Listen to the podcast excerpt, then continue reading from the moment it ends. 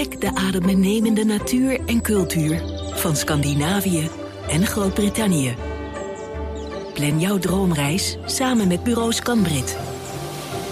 De vakantiespecialist voor Noordwest-Europa. Bureauscanbrit.nl Hallo met Jasper. Hallo Guido. met Guido. Jasper, ben je daar? Ja, daar ben ik. Ja, we zitten, eh, dames en heren. Welkom bij een nieuwe aflevering van Movie Insiders trouwens.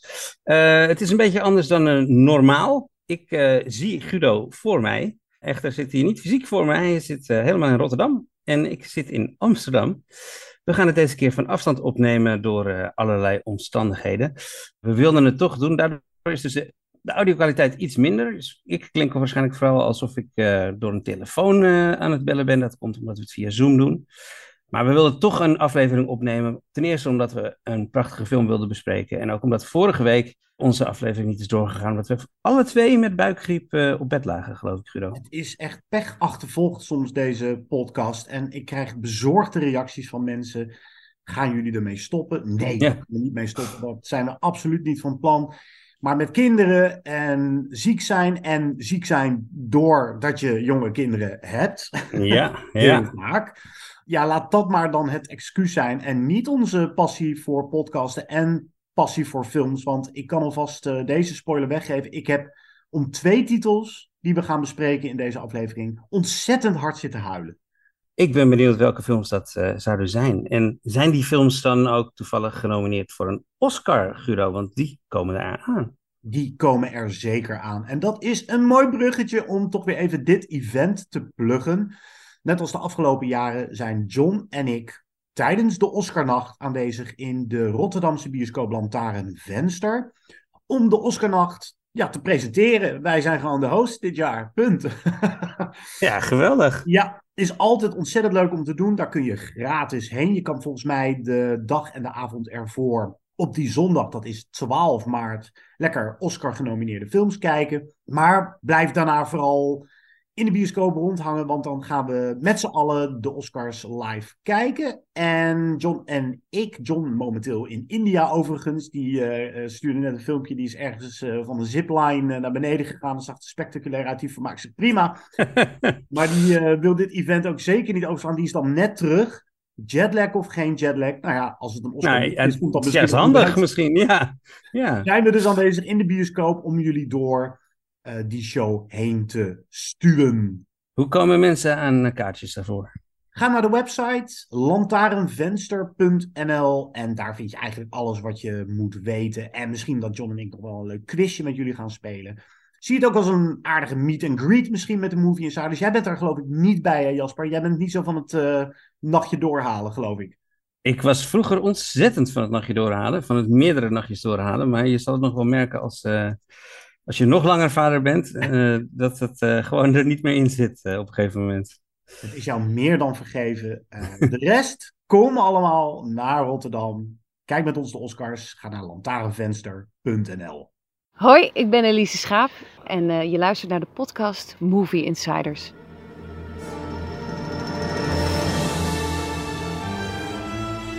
Good evening, ladies and gentlemen. We are tonight's entertainment. Movie Insiders. They're here Why should I waste my time listening? Because I have a right to be. I have a voice. Groovy. Hallo allemaal en welkom bij een nieuwe aflevering van Movie Insiders. Mijn naam is Jasper.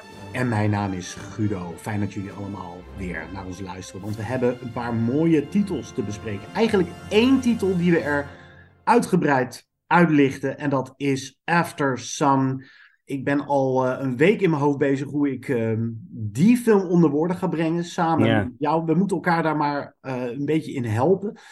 Maar we hebben ook nog een blokje ook nog gezien. Want ja, toch weer een weekje in te halen. Dus misschien kan ik het kort even hebben over The Whale. En over de achterlijke horrorcomedy Cocaine Bear. Ik heb ook nog de, de nieuwe Marvel gezien. Ant-Man and the Wasp Quantum Mania. Jij zag ook nog wat, hè? Ik zag eh, nog een paar titels. Ja, Godland onder andere, die is vorige week uitgekomen.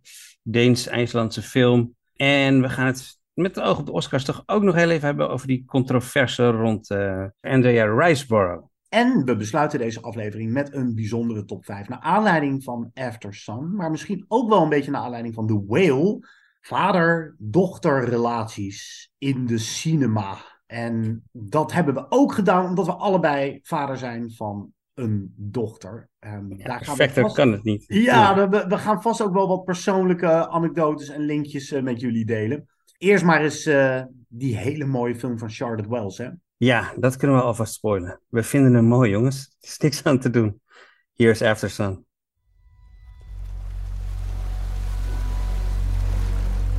Think you'll ever move back to Scotland? No. Why? There's this feeling once you leave where you're from that you don't totally belong there again. You okay through there? Don't you ever feel like tired and down and feels like your bones don't work, like you're sinking? Hmm. We're here to have a good time, eh?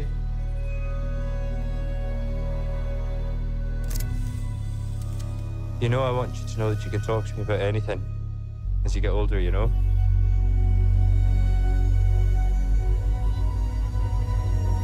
Done it all and you can too.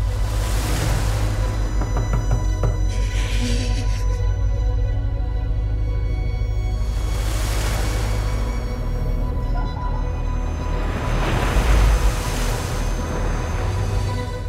we could have stayed for longer.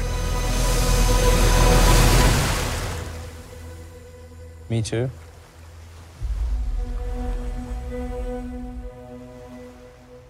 Voor we beginnen wil ik een kleine disclaimer plaatsen.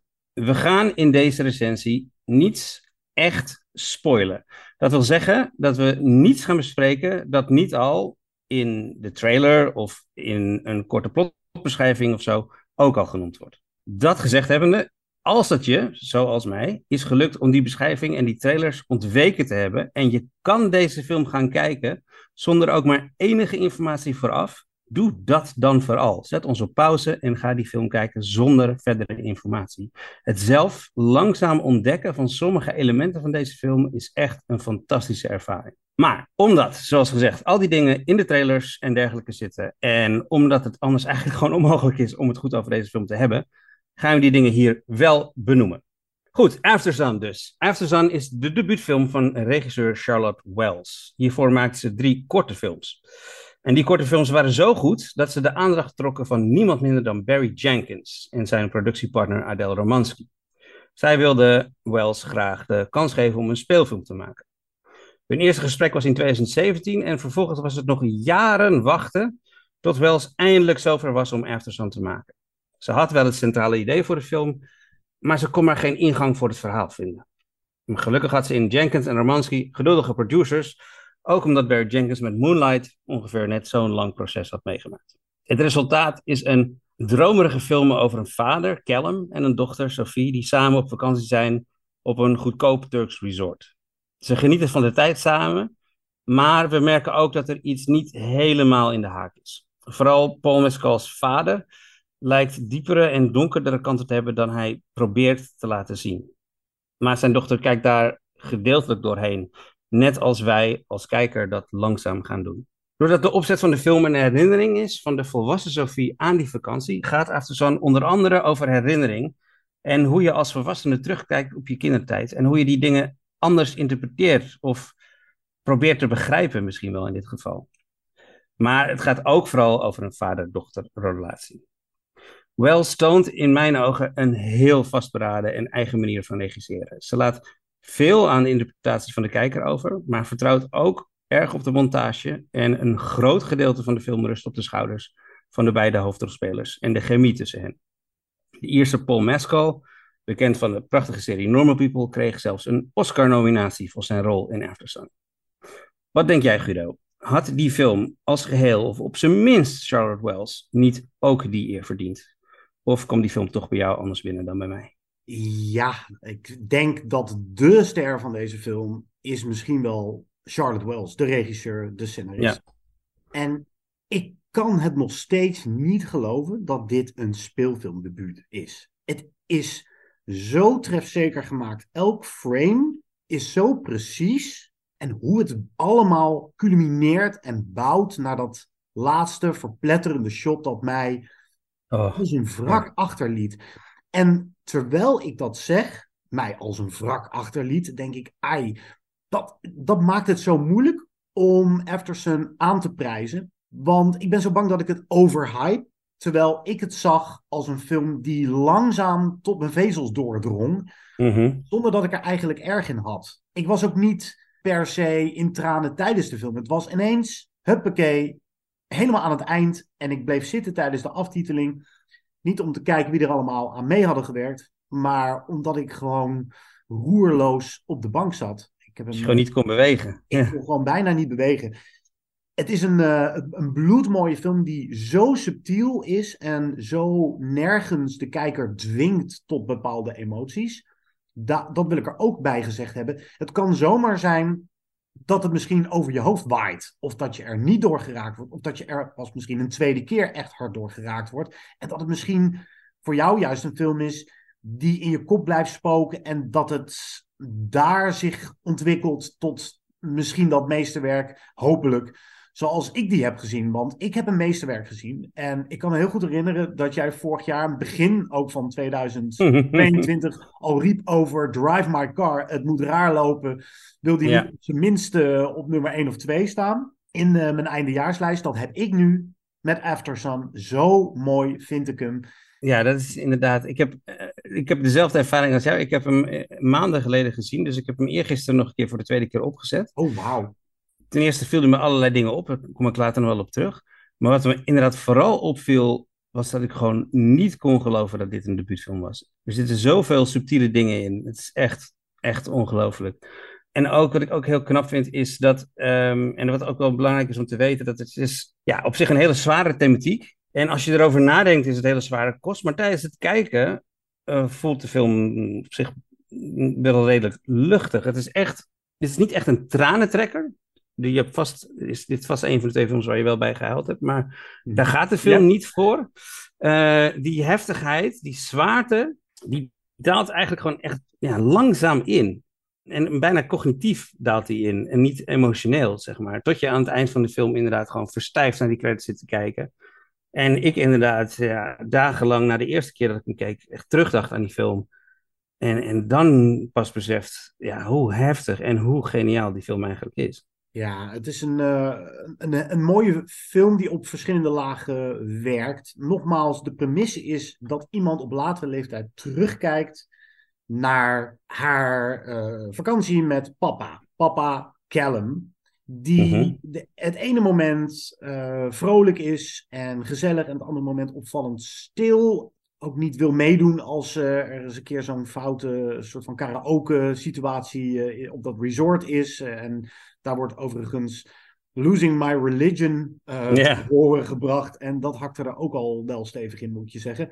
Maar eigenlijk is de film voor haar en voor ons als kijker een soort van puzzel. En dan beslist Ja. niet op de Christopher Nolan eh Tenet manier een puzzel.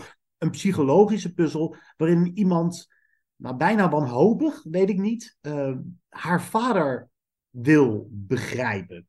En Ja. dat doet op verschillende manieren, eh, wordt dat in beeld gebracht. Namelijk door home video's af te spelen voor haarzelf. En die wij dus ook eh, krijgen voorgeschoteld.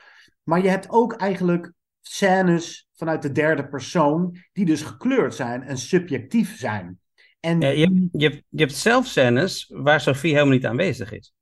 Exact. Dus die moeten gefantaseerd zijn. Dus Ja. eh, sommige herinneringen zijn letterlijk, andere hebben zich in haar hoofd gevormd en moeten een versie van de waarheid geven. En die subjectiviteit van de herinneringen, ook dat weet Charlotte Wells heel briljant te vangen. Door bijvoorbeeld als zij eh, op zee uitkijkt vanuit een boot en ze ziet ook haar vader, dan zie je de camera langzamerhand haar vader uit, uit beeld doen verdwijnen. Mhm. En dat is eigenlijk, dat is totaal geen arty-farty manier om iets uh, kunstzinnig in beeld te brengen. Maar het, het geeft heel direct, voor mij ook als, als kijker had ik dat direct door. Zij weet niet hoe hij zich op dat moment moet hebben gevoeld. Of weet het niet meer. Nee. Dat zou ook kunnen. En daardoor vangt Aftersun niet zozeer hoe herinneringen waren, maar hoe ze voelden. Exact, ja. Ja, en dat, dat wegdrijven van de camera, dat, is ook, dat wordt echt veel doorgevoerd. De camera is sowieso veel in beweging, heel langzaam in beweging. Hm. Uh, maar ook inderdaad, als je de, de camera is op hem gefocust en dan begint hij te praten en dan drijft hij een beetje weg. En dan denk je ook van, ja, zij verliest haar aandacht op dit moment een beetje. Haar aandacht, je, je kijkt echt door haar lens. Dus het meisje Sophie, die is op dat moment gewoon eventjes half ergens anders mee bezig, zeg maar. Ja, ze is sowieso sowieso half ergens anders mee bezig, want zij is ja. nog heel jong. Dus, en dat vind ik heel mooi. Zij weet ergens dat er iets aan de hand is met haar vader. Dat is ook de ja. reden dat zij later terugblikt en waarom we bepaalde dingen wel en bepaalde dingen niet zien door haar blik. Maar ze is ook nog jong. Ze wil hem begrijpen en snapt dat ze voorzichtig met haar vader moet omgaan. Maar... En ze is, net, ze is net moeder geworden. Ja, precies. Maar ook het zijn. Dat, dat zijn allemaal zulke kleine mini-details ja. die ons gevoerd worden als kijker, um, die je zomaar het eerste keer, uh, de eerste keer over het hoofd zou ja. kunnen zien. Maar het is wel zo dat je heel erg het gevoel hebt dat zij haar vader wil beschermen en af en toe het voordeel van de twijfel geeft als hij een mm -hmm. keer niet op zijn best is of niet zo vrolijk meedoet. Wat ook weer kan impliceren dat wat er met haar vader aan de hand is, dat zij daar misschien zelf ook last van heeft of last van kreeg op latere leeftijd. Het is, het is allemaal um, voor eigen interpretatie. En die interpretatie van de kijker is heel belangrijk. Ik kan het ook heel frustrerend vinden als films te veel overlaten aan ons als kijker. Maar hier past dat zo perfect dat je ook eigenlijk, je kan nooit over iets keiharde conclusies trekken. Nee, nee, exact. Het is echt, je probeert een beeld te krijgen van, van hun relatie en vooral van wat er met die vader aan de hand is. En je komt heel dichtbij, maar je krijgt het nooit echt helemaal scherp, zeg maar. Ze geeft ons net genoeg hints. Uh, ze vertelt ons bijvoorbeeld ook heel weinig over wat er gebeurt bu buiten de vakantie. Uh, de vakantie is echt een soort bubbel, zoals elke vakantie is. En we krijgen wel hints. Uh, hij vertelt bijvoorbeeld dat hij binnenkort een huis gaat kopen in Londen en dat Sophie daar haar eigen kamer zal krijgen. En hij gaat een bedrijf beginnen met zijn beste vriend. Maar terwijl hij dat vertelt, zie je aan het spel van Paul Mescal al dat hij er eigenlijk zelf ook niet in gelooft dat dat echt gaat gebeuren. Ja, en Sophie weet het gewoon ook niet precies, weet je wel. En dat, is zo mooi, dat wordt zo mooi weergegeven. En omdat hij zo'n jonge vader is hij, is, hij wordt 31 in deze film. En volgens mij trouwens, nu ik erover nadenk, uh, de volwassen Sophie is ook jarig, hè? want op een gegeven moment wordt ze wakker en dan zegt ze happy birthday. Dus waarschijnlijk bereikt, bereikt zij op dat moment zijn leeftijd. Ja, dus doordat hij, doordat hij zo'n jonge vader is, is het eigenlijk een soort dubbel coming-of-age verhaal. En jij zei net heel mooi, je krijgt het nooit als kijker helemaal scherp. Er zit een scène in dat ze ja. een foto van zichzelf laten maken, zo'n zo'n typisch oh, ongelooflijk. Polaroid. En die Polaroid die moet zich eerst, um, die moet tot volle wasdom komen. Die, die moet, ontwikkelen, ja. Die moet zich ontwikkelen. En we krijgen hem nooit helemaal scherp te zien. En dat is een, eigenlijk een sublieme metafoor voor de hele film. Ja, het is echt heel sterk. Ze snijdt gewoon weg. Het is zo zelfverzekerd. Je, ze laat die foto zich ontwikkelen en ze snijdt weg voordat die helemaal scherp is. Het is echt ongelooflijk sterk, vind ik. Ja, en wat ik ook. Uh, ik, ik, dit is zo'n film die ik zo fijn gevoelig vind dat ik hem bijna niet nog een keer durf aan te zetten. Dat heb jij dus wel gedaan, dus jij hebt hem ja. verser in je hoofd dan ik. Maar er zitten zoveel meer van dat soort details in. Hoe ze allebei op een andere manier naar de zee kijken, bijvoorbeeld. Ja. Um, ja of naar de paragliders in de lucht. En er zitten ook scènes in die je niet helemaal vertrouwt. Of zij die voor haar eigen gemoedsrust maar op die manier heeft geïnterpreteerd om zichzelf te beschermen. Sophia ja. over. Ja, Bijvoorbeeld zeker. als zij tegen haar vader zegt. Ik, uh, heb je de, ken je dat gevoel dat je je wel eens helemaal verlamd mm -hmm. voelt in je botten en niet meer kan bewegen en gewoon moe bent? En dan zit haar vader niet in dezelfde ruimte, maar in de ruimte ernaast. En dan fantaseert zij waarschijnlijk hoe hij er toen bij moet hebben gezeten. Ja. Het woord depressie valt hier nooit. Nee. Het lijkt mij duidelijk, maar ook dat is nooit 100% crystal clear. Die scène is echt geweldig. Het, is zo, het spel van Paul Mescal daar is zo goed. Uh, ten eerste zien we hem weer in een spiegel. Dat is zo'n zo terugkerende symboliek. We zien hem heel vaak in een reflectie of in een spiegel of half in een deuropening, omdat hij gewoon maar ja, half zichtbaar is voor ons. Hij is nooit helemaal zichtbaar. Maar dan hebben ze een mooie dag gehad, ze hebben een uitje gehad. En zij ligt een beetje moe en, en, en een beetje droevig op bed. En hij vraagt wat er aan de hand is. En zij zegt: Don't you ever feel like you've just done this whole amazing day, and then you come home and you feel tired and down, and and it feels like your organs don't work. They're just tired and everything's tired, like you're sinking. Zijn reactie erop is zo perfect gespeeld, want hij herkent het gevoel. Dat is gewoon het gevoel waar hij dagelijks mee worstelt. Maar hij maakt zich ook zorgen dat zijn depressie erfelijk is. En dat Sophie dus, uh, dat hij Sophie een soort van genetisch belast heeft met, uh, met een leven, uh, dat haar een leven wacht wat, wat, hij ook heeft. En dat lees je allemaal in zijn gezicht af. Er is ook een moment dat, hij, dat Sophie hem confronteert. Hij zegt iets van, ik kan zanglessen voor je regelen. En dan zegt ze van, stop doing that. Dus stop, ik weet niet precies wat ze zegt, maar iets van, stop promising me things you know you can't afford. Dus hij denkt dat zij niet ziet aan hem dat hij arm is en dat het niet goed met hem gaat. En hoe die, die, hoe die dat incasseert en dan uiteindelijk weglacht en, en weer verder gaat, het is echt zo meesterlijk gespeeld. Ja, wat uh, Paul Mescal hier doet is echt koorddansen. Hij moet uh, charismatisch zijn. We moeten hem als kijker in ons hart sluiten. We moeten ja. het gevoel krijgen dat er iets niet in de haak is. Maar ook weer niet te omdat het de puzzel van Sophie is. Het is haar terugblik op haar relatie met haar vader. Exact. Dus, dat is uitstekend. En daarom zei ik dat Charlotte Wells misschien wel de ster van de, van de Zeker. film Als je dat non-verbale acteren uit je kast weet te krijgen als debuterend regisseur. En eigenlijk de camera en de editing de rest van het werk laat doen. En misschien een schitterende versie van Under Pressure. Um, Daar gaan we het zo nog wel even over hebben, ja. Ja, ja precies dan ben je een hele, hele grote. Je voelt ook dat er. Dat zij waarschijnlijk hier jaren en jaren mee bezig is geweest. om er ja. perfectie van te maken. Maar ik kan me ook zo voorstellen dat zij tijdens de editing. een ontzettend zwaar proces moet hebben gehad met Kill Your Darlings. Wat gooi ik weg? Geeft dit iets te veel weg? Dit uh, ligt er misschien te dik bovenop. Want dit is zo'n film dat één scène uh, met een iets wat andere toon zomaar die perfecte balans ja. kan doorbreken. En ja, en heel soms, heel soms dacht ik van, oh, dit had niet nodig. Er zit bijvoorbeeld een moment in dat andere vakantiegasten hun uh, uh, verwisselen voor uh, broer en zus. Oh ja. En ik dacht van, oh ja, nu leg je al iets te duidelijk de nadruk op dat hij een jonge vader is, zeg maar. Weet je wel? Dat begrepen we al. Hier had je meer op jezelf kunnen vertrouwen. Ja, aan de andere kant is dat ook weer uh, interessant, omdat Sophie op zoek is dus naar aanwijzingen waardoor zij kon doorhebben dat het niet goed ging met haar vader. En uh, de depressie zou ook kunnen komen uit te vroeg vader zijn. Mm -hmm. uh, ja, uit... dat wordt wel wordt duidelijk gesuggereerd dat hij waarschijnlijk te jong vader is geworden. Ja. Te jong vader, uh, hij is niet meer samen met die vrouw. Heeft ook, en dat, er komt ook schaamte bij kijken, ze zitten in een goedkoop resort, waarin zelfs verbouwingen plaatsvinden, terwijl zij in het zwembad uh, lekker willen, uh, to, tot rust willen komen. Op een gegeven moment zit er een mooie scène in met een duikbril. Um, ja, oh. Alles zit er volgens mij wel degelijk met een reden in. En wat jij zegt, of het Echt, iets te veel on the nose is, dat, dat, daar ben ik dus bang voor bij een volgende keer kijken naar After Sun.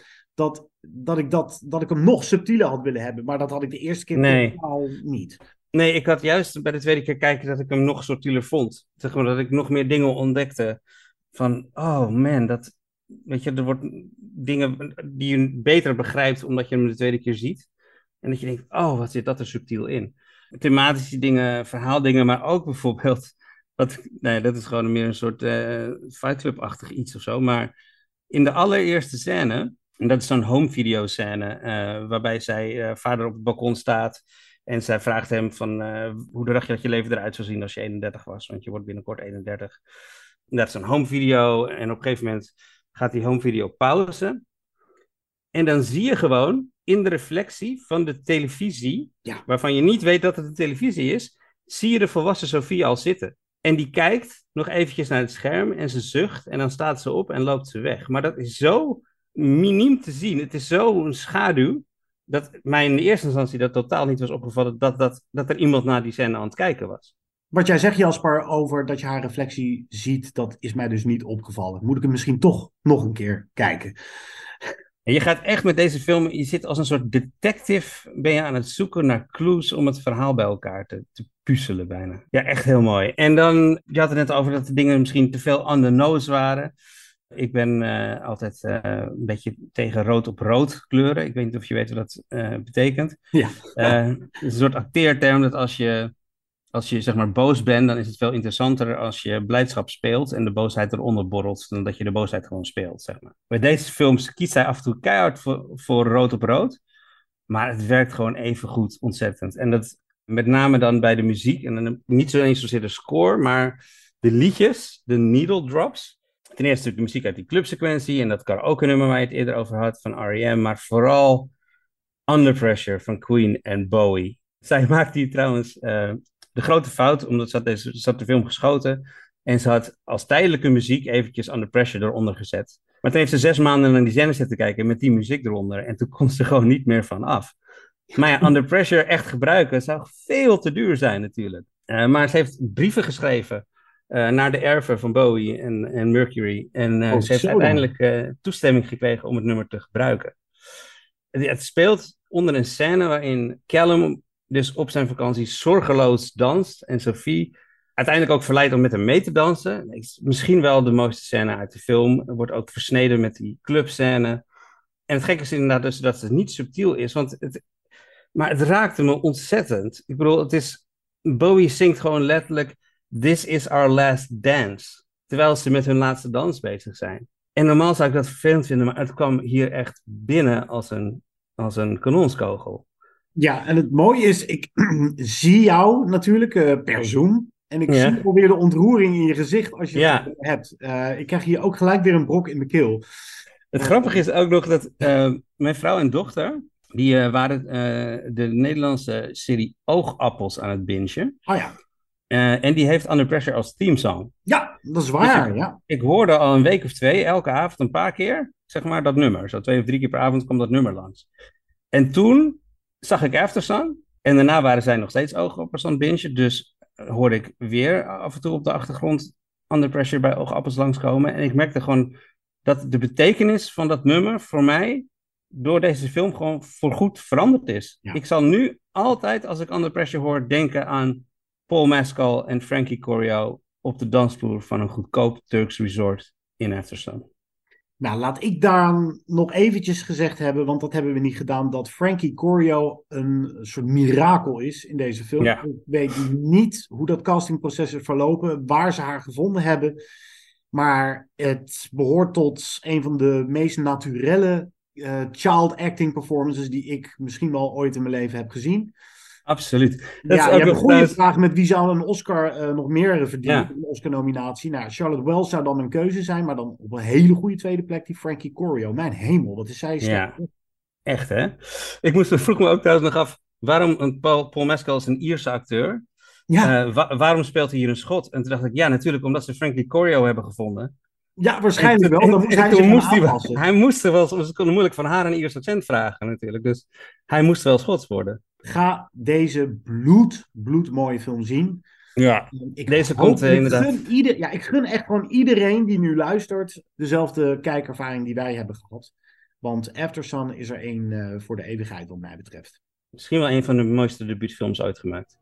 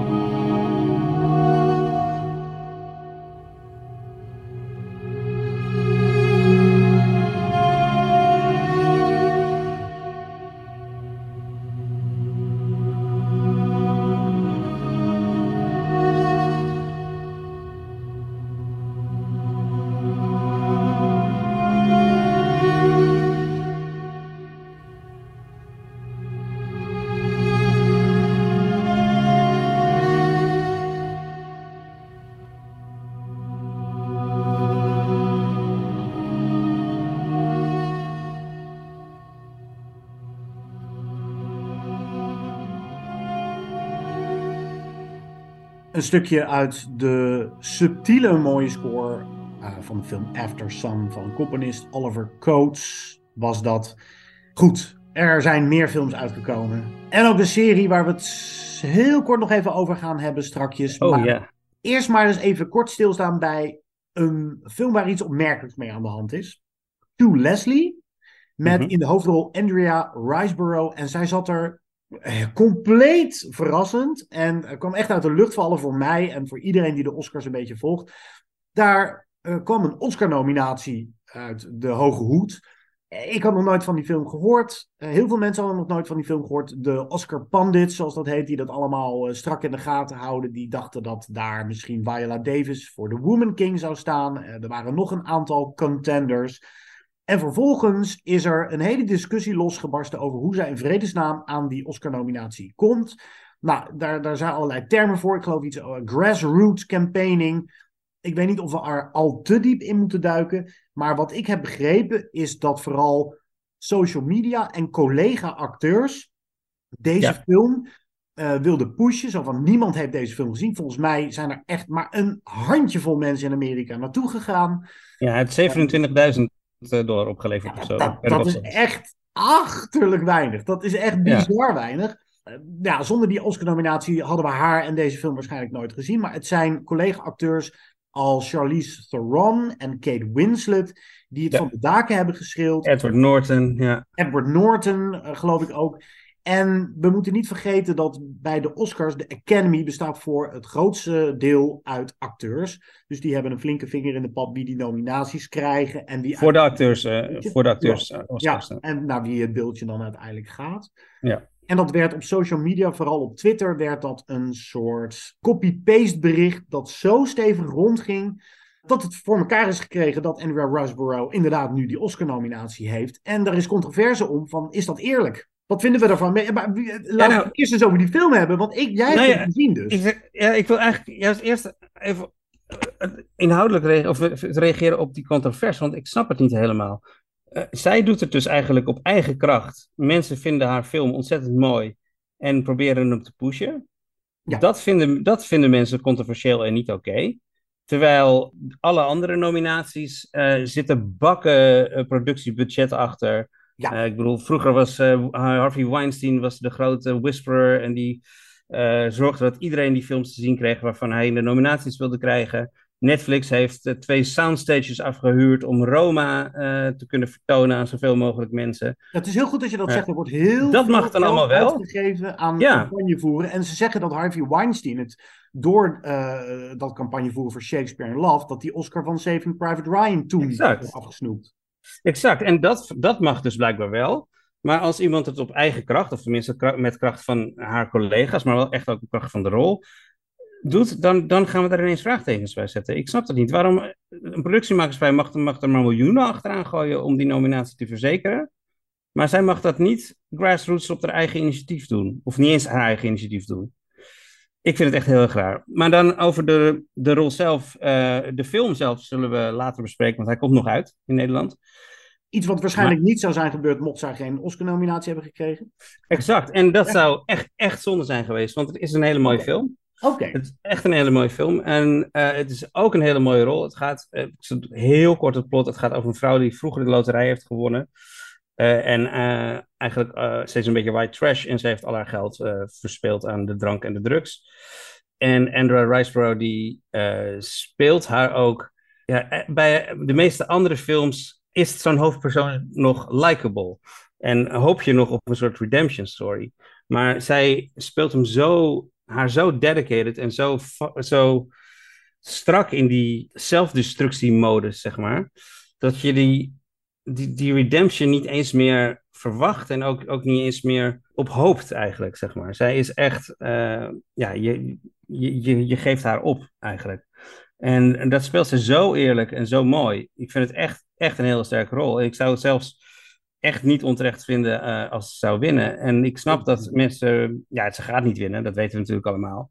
Maar ehm, kijk, als je zegt van ja, de Doofvis had het moeten winnen, eh, had genomineerd moeten worden voor de Woman King. Ja, dat is natuurlijk qua eh, diversiteit was dat mooi geweest, maar dat is lang niet zo'n mooie rol als dit. Sowieso met die Oscars, want Kate Blanchett en uh, Michelle Yeoh zijn natuurlijk de grote frontrunners. Mm -hmm. Ik heb sowieso ook ehm, een beetje moeite met sommige van die commentaren. Ze zeggen van, ja, Michelle Yeoh is zo, dat doet dat zo knap, want zij speelt wel meerdere rollen in die films. Net zoals Kiwi Kwan meerdere rollen speelt. Zo, ja, maar dat is gewoon wat een acteur doet. Ja, zo kun je het ook zien, ja. Ja, een acteur speelt altijd andere rollen. Die staan soms 's ochtends een reclame op te nemen, smiddags op een filmzet en s'avonds op het podium. Dat is, dat is niet zo knap. Een rol zoals Kate Blanchett bijvoorbeeld, of, of uh, Andrew Riceborough, helemaal tot in de essentie neerzetten en als een echt doorleefd personage laten voelen, dat is waar de magie zit, wat mij betreft. Nou, daar zou ik graag op willen reageren, maar dan moet ik eerst die film eens zien. To Leslie, ja. dat inderdaad binnenkort draaien in de bioscoop. En dan komen we hier in deze podcast nog zeker uh, op terug. Ik heb ook nog eventjes snel die, uh, die Causeway gekeken. Dat was ook een beetje een verrassende nominatie voor uh, ja. Brian, Brian Tyrell Henry. Ja, Brian Tyree Henry, geloof ik heet hij. Ja, Brian Tyree Henry. Ik ken die... hem vooral uit Atlanta waarschijnlijk. En Atlanta, ja. Ja, uh, en hij zat ook in uh, een Marvel-film, maar laten we het daar vooral niet over hebben. Ja, Bullet um, zat hij ook, geloof ik. hij is sowieso een van mijn favoriete um, screen persona's, zeg maar. Als hij in beeld is, dan voel ik me gewoon comfortabel en ja. kom maar op met die film. En hij doet hier niet eens iets heel speciaals. Ja, het is gewoon een hele fijne, fijn iemand om naar te kijken op het scherm. Dus ook echt ja, een terechte nominatie. Gaaf. Zal ik het dan uh, heel even hebben over een acteur die waarschijnlijk ook um, zomaar een Oscar zou kunnen winnen. Dat is namelijk Brandon Fraser. Die zit in ja. The Whale. Heel kort, want die film is zo breed uitgemeten ook in de pers. Hij speelt een obesitas-patiënt van 270 kilo die veroordeeld is tot zijn eigen sofa. En Brandon Fraser is niet echt zo zwaar. Hij heeft een vetsuit aangemeten gekregen. En dat leverde ook weer controverse op. Is het en blijft het niet toch een beetje apisch kijken? Nou, daar kun je een leuke... Fatshaming. Ja. Fatshaming is dan... Oh, we hebben tegenwoordig een hoop te klagen altijd. Als het werkt, dan werkt het, zeg ik altijd. En ik vond het werken. Ik zag hem in Venetië uh, vorig jaar. En nou, ik was erg ontroerd. Ook deels om Brandon Fraser weer eens te zien. Na een lange tijd. Daar zit een heel verhaal aan vast. Die man, dat was de hunk, de posterboy uit de jaren negentig. Vanwege de Mummy en George of the Jungle. En door allerlei omstandigheden, waaronder ook uh, al het stuntwerk wat hij heeft gedaan, daar heeft hij lichamelijke blessures aan overgehouden, waardoor hij ja, zijn status als actieheld verloor en een mm -hmm. beetje in de schaduw uh, wegdreef. Dus het is een comeback-rol, daar zijn ze dol op in Amerika. Ja, daar smullen ze van. Ja. ja, daar smullen ze echt van. Maar hij doet het echt goed. Uh, hij pakt dat heel... Hij, het, een, een hele broze man zit daar dat doet hij heel erg goed. Het is een, uh, gebaseerd op een toneelstuk, dat zie je ook. Het, het speelt zich alleen maar af in zijn woonkamer zo'n beetje. En wat hij doet is de liefde van zijn dochter proberen terug te winnen. Die twee zijn van elkaar vervreemd geraakt toen hij ooit eens haar verliet. Toen ze nog heel jong was, omdat hij verliefd werd op een man en uh, zijn huwelijk uitstapte. En dat schuldgevoel weegt misschien wel zwaarder dan zijn eigen lijf ik vond het een, een typisch Darren Aronofsky film die zijn eigen hand af en toe een beetje overspeelt door erg op de pathos tour te gaan. Een beetje pathetisch, zeker het eind. Daar kun je vraagtekens bij zetten, maar uh, mooi geacteerd. Kamer, chamber piece, um, prima geschoten en dus geacteerd. Eigenlijk de ster van de film is niet eens Brandon Fraser, maar Hang Chao. Die is ook genomineerd voor een Oscar als zijn hulp in het huishouden en ook de, de nurse, zeg maar, die hem verzorgt. En die hebben een goede persoonlijke band. Zij is sowieso fantastisch. Hong Chao, die zat ook in de menu, bijvoorbeeld. Mm -hmm. Side, nee, niet Sideways, maar uh, hoe heet het? Downsizing zat zij in. Downsizing, ja. Ja, dat is de minste film van Alexander Payne, maar door haar toch nog de moeite waard. Dus Uh, The Will, ja, ga hem zien. Uh, al het gezeik uh, vind ik een beetje overtrokken. Um, nogmaals, als een film je emotioneel raakt, dan ben je er al voor een groot deel. En hij wist mij beslist te raken. Do you ever get the feeling that people are incapable of not caring?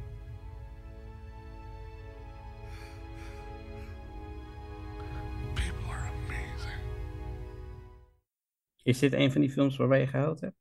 Nee. Nee. Nee, nee die, die, die houden we voor uh, aan het einde van dit blokje ook nog te zien. En ik denk dat je al uh, weet waar het heen gaat. Denk zal, ik, uh, zal ik het nog heel kort even hebben over Cocaine Bear? Ja, die heb jij gisteren gezien. Ja, die heb ik gisteren gezien. Dat is een opmerkelijke maffe film. Het begint ook met Hanna Hoekstra, een Nederlandse actrice. Die Mhm. een uh, piepkleine cameo heeft. En nou, er niet heel lang in zit. Om een bepaalde reden die je volgens mij hierbij hebt ingevuld. Die, ik nu wel snap, ja. op een heel flinterdun waar gebeurd verhaaltje gebaseerd dat er cocaïne uit een vliegtuig, uh, vliegtuig viel in de wildernis, is beland. Een beer heeft het opgegeten en doorgesnoven stierf hij. Maar Elizabeth Banks, een bekende actrice mm-hmm. die hier de regisseur is van de film, die fantaseert eigenlijk wat zou er met die beer zijn gebeurd als die niet direct was overleden en dus helemaal bezurk mensen ging aanvallen.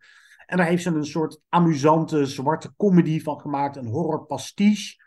Met moi digitale effecten. Met een paar aardige grappen. Maar ook heel veel bloedvergieten. Waar ik een beetje een dubbel gevoel aan overhield. Het is helemaal in de jaren tachtig stijl. Uh, dit soort films zie je niet vaak meer. Die echt goed over de top gaan. En dat van zichzelf weten dat ze dat doen. Maar het is Ray Liotta's allerlaatste rol voor hij stierf. En de manier waarop hij deze film verlaat, eh, daar krijg je een beetje een nagesmaak van.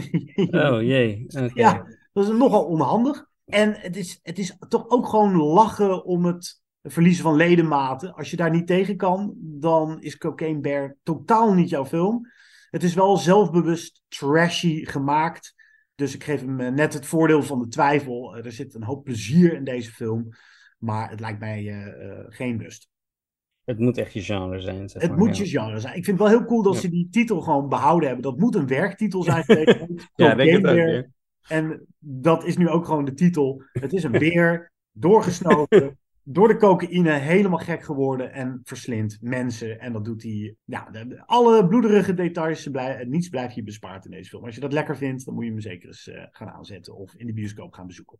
Zal ik dan eventjes eh, nog een mooie Deense film aanhalen die eh, vorige week in de bioscoop is gekomen. Godland. Eh, draaide onder andere ook op het filmfestival in Rotterdam.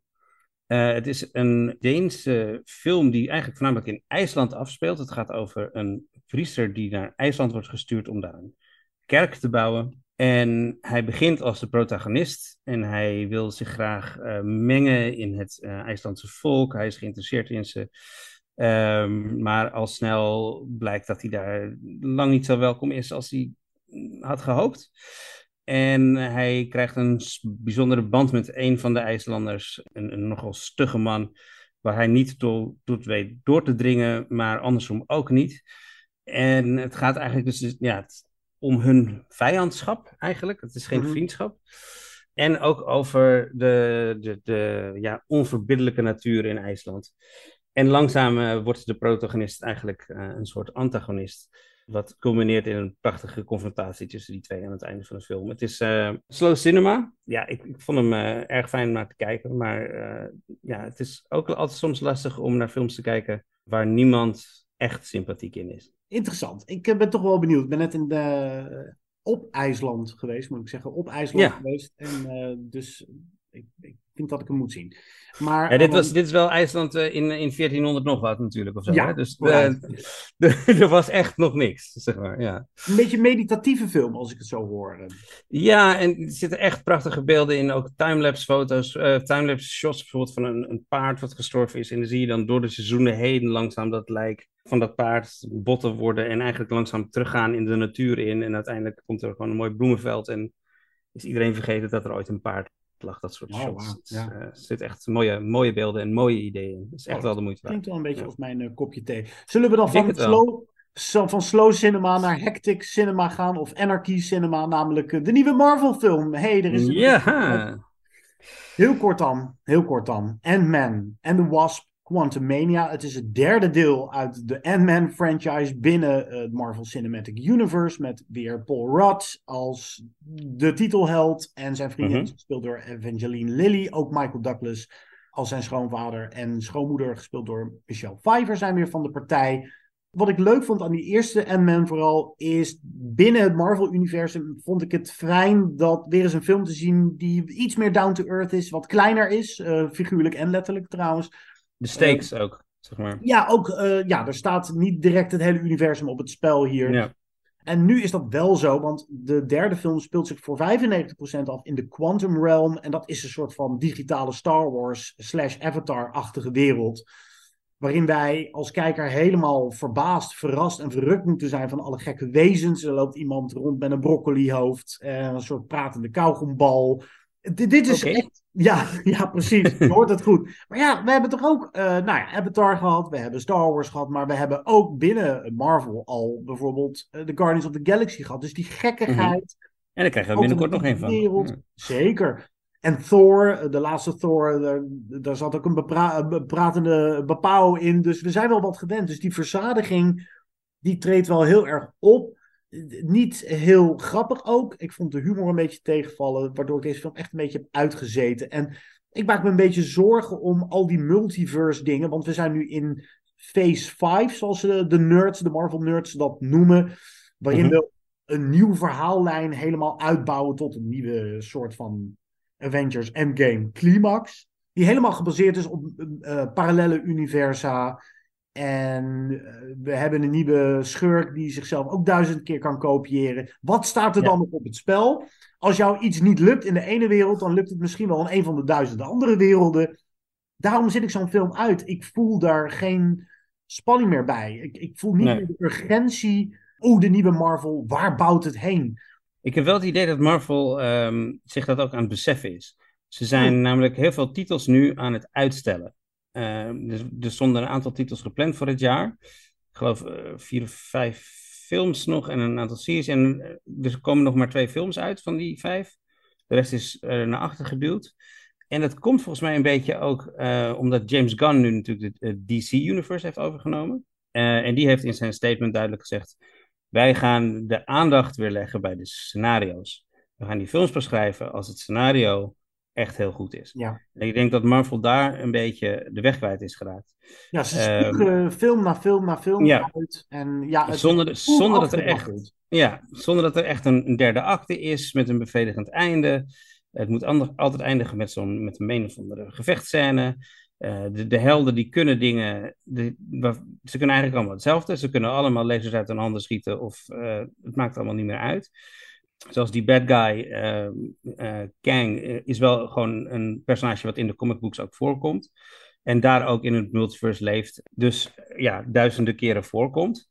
En ook tegen zichzelf strijdt. Er zijn comics waarin hij bijvoorbeeld in een alternatieve tijdlijn de Avengers opricht om tegen zichzelf te vechten, omdat hij zichzelf wil tegenhouden. Oh, wow.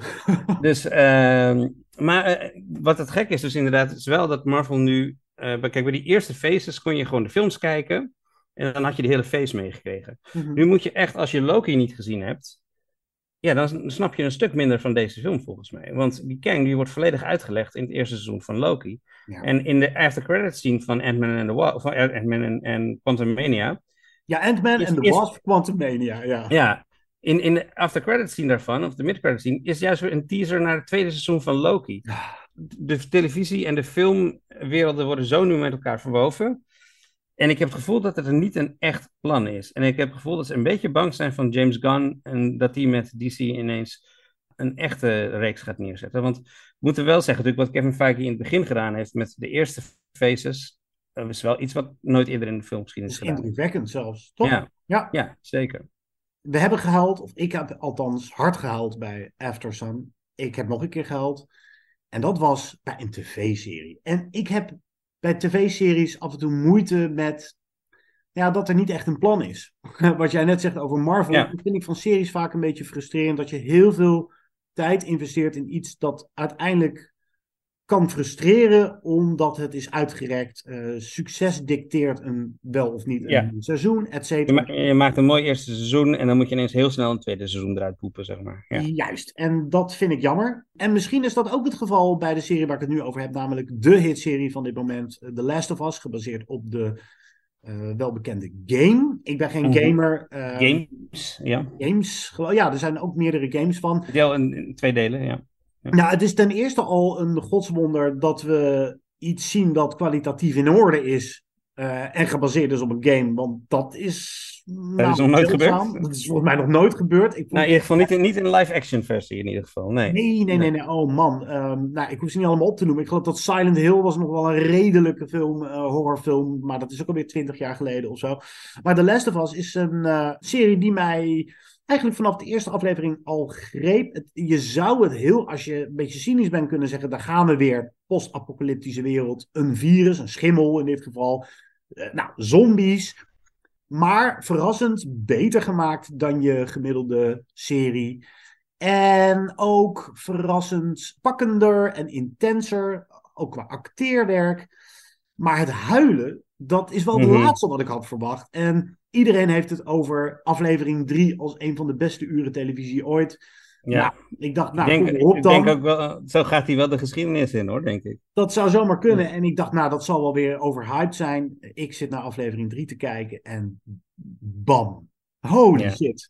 En, eh, ja, wat moeten we ervan weggeven? Want ehm, als je de serie nog niet hebt gezien, dan, nou, net als met Aftersun, dan gun ik iedereen dezelfde kijkervaring. Maar laten we, laten we het erop houden dat eh, we heel even de hoofdpersonen, die verlaten we voor een minifilm eigenlijk. En we gaan een, slaan een zijpad in en zien daar een minifilm over twee personages die we daarvoor nog nooit hebben gezien.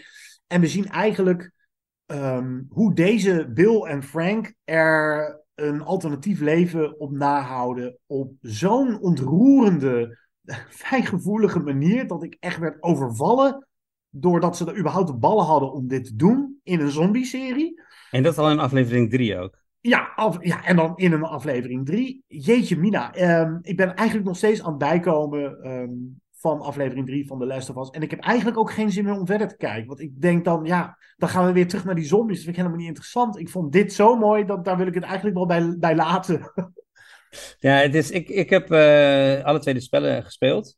Oh, Oké, Eh, dus jij bent een gamer. eh, ik ben een gamer en deze heb ik alle twee gespeeld, dus ik weet waar het verhaal heen gaat. Ja. Ehm, en ik weet dus ook dat het is een heel cinematisch spel. Het is een spel, tegenwoordig in spellen heb je heel veel keuzes, open wereld, sandbox. Dit spel is echt heel lineair. Het is eigenlijk een, het spel is al een beetje een film eigenlijk. De maker van het spel is ook eh, betrokken bij het maken van de serie. En de showrunner is Greg Mason en die heeft die voor Chernobyl gemaakt. Dus dan heel weet je, wel, eh, weet je wel dat je in goede handen bent. En het is inderdaad, ja, ik, ik keek er al heel erg naar uit. En toen de eerste afleveringen eh, dacht ik van ja, dit is hem wel. Dit gaat goed. Dit, dit wordt geen slechte gameverfilming. Je merkt wel af en toe game, game elementjes erin zitten, zeg maar.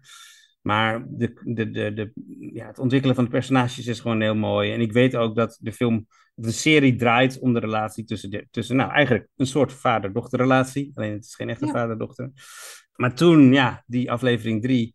Ik, wat ik ook heel mooi nog aan vond, was die misdirect in het begin. Dat ze, ze staan bij een soort massagraf en hij vertelt dan van deze mensen zijn doodgeschoten, maar ze waren niet eens ziek. En dan zoomen ze in op een van die skeletten en dan, dan zie je een sjaaltje en vervolgens zie je dat sjaaltje om een moeder met een baby heen hangen en dan denk je, oh nee, we gaan nu 40 minuten lang volgen hoe deze vrouw straks doodgeschoten wordt. Ja, ik was er ook En wel. dat- ik ik en was dat dat- vergeten. Je hebt gelijk. En dat is dan totaal niet wat ze gaan doen. Het is zo mooi. En het, het stelt ook de vraag bij zo'n apocalypse, zombie-apocalypse, zouden er dan niet mensen zijn waarbij het leven beter is na de apocalypse dan voor de apocalypse? Ja, ik, ik, goed gezegd. En weet je wat ik ook had? Ehm, ik heb gisteren aflevering 5 gezien. Ik ga niks spoileren, maar daarin gebeurt ook iets heel heftigs. Iets soort Zelfs ja, zo heftig. ja. Ja. Ja. zelfs zo heftig dat ik dacht, waarom zit ik nou hier naar te kijken als het toch allemaal slecht afloopt? Maar omdat deel 3 in je hoofd zit, Mhm. Heb je altijd van ja, maar in deze eh, vreselijke post-apocalyptische wereld kan het ook zo uitpakken als in aflevering 3. En dan heb je misschien nog wel een mooi leven. Dus dat, eh, dat zal denk ik een pilaar zijn waar de rest van de ellende van The Last of Us op kan eh, leunen, steunen. Ja. Als je Ja. begrijpt wat ik bedoel. Zeker. En dat vind ik er ook heel slim aan. Dus het is ook tactisch op het juiste moment in je hoofd geplant of zo. Ja. Wat een eh, prachtige aflevering die ik eh, eigenlijk nooit meer vergeet. Het enige kritiekpuntje, maar dat is misschien de nerd in mij eh, die dol is op neoclassieke muziek. Er wordt een, een stuk muziek ingezet dat al zo vaak voor films en series is gebruikt. Van Max Richter, On the Nature of Daylight. Ik kan je zo, nou ja, het zat, het zat in Oké, Arrival, het zat in Shutter Island. En ik heb daar een, een, zwa- een, zwak voor, voor dat stuk Mhm. muziek. Maar dus zodra het begint, dan begin, beginnen de traanklieren al hè, mij te kietelen. Maar dan denk ik ook, jeetje, oeh, eh, eigenlijk mag je het niet meer gebruiken, dit stuk. Een beetje te makkelijke Eigenlijk- keuze. Ja, dat is eigenlijk Ja. een strafpunt. Zullen we die dan nog maar, die nog maar even laten horen voordat we aan de top 5 beginnen? Laten we daar een stukje eh, van, van horen. Het lijkt me een heel goed eh, moment en een bruggetje naar onze top 5. Dus blijf luisteren straks. De beste vader-dochterrelaties in de cinema.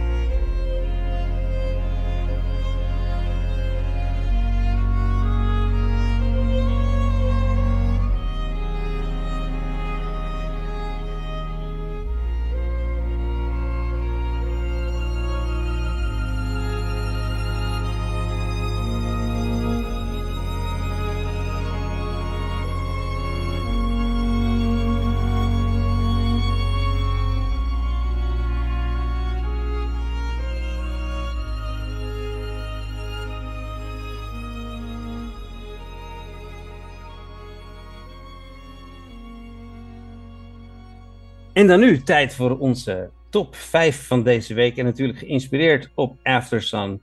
Vader-dochter relaties. Ik denk eigenlijk dat als we deze over een jaartje zouden maken, dat Aftersun gewoon op nummer 1 in deze lijst zou staan. Maar Ik ja, wij wel gaan. zeker, eh, Jasper. ja, hè? Ja. Ja, die mag niet meedoen. Dus wij gaan een top 5 vader-dochterrelaties doen. Ehm, waar ik er dus niet op gelet dat de film per se gaat over een vader-dochterrelatie. Maar meer, ehm, ja, zit er een interessante vader-dochterrelatie in? Of misschien is het maar één scène? Of eh, dat soort dingen. Heb jij nog ergens op gelet? Hmm, ik heb hetzelfde gedaan wat jij deed. Het kan, nou, ik heb in één geval ook een specifieke scène uit een film gelicht eh, voor mijn top 5. Verder heb ik, maar dat is ook meer toeval. Ik had, eh, jij zei bij The Last of Us, het is een soort van vader-dochter relatie, ook al zijn ze niet biologisch vader en dochter. Maar ik ben wel voor eh, de bio-aanpak Ja. gegaan. Ja, heb ik ook gedaan. Er waren een aantal die, eh, die naar boven, waar ik aan dacht, zoals eh, Leon of zo. Of, Oh ja, Dat bijvoorbeeld. soort dingen, dat ik dacht van, ja, dat is ook een soort vader-dochterrelatie. Maar ik heb het ook inderdaad, inderdaad bij, bij echte biologische vader-dochters gehouden.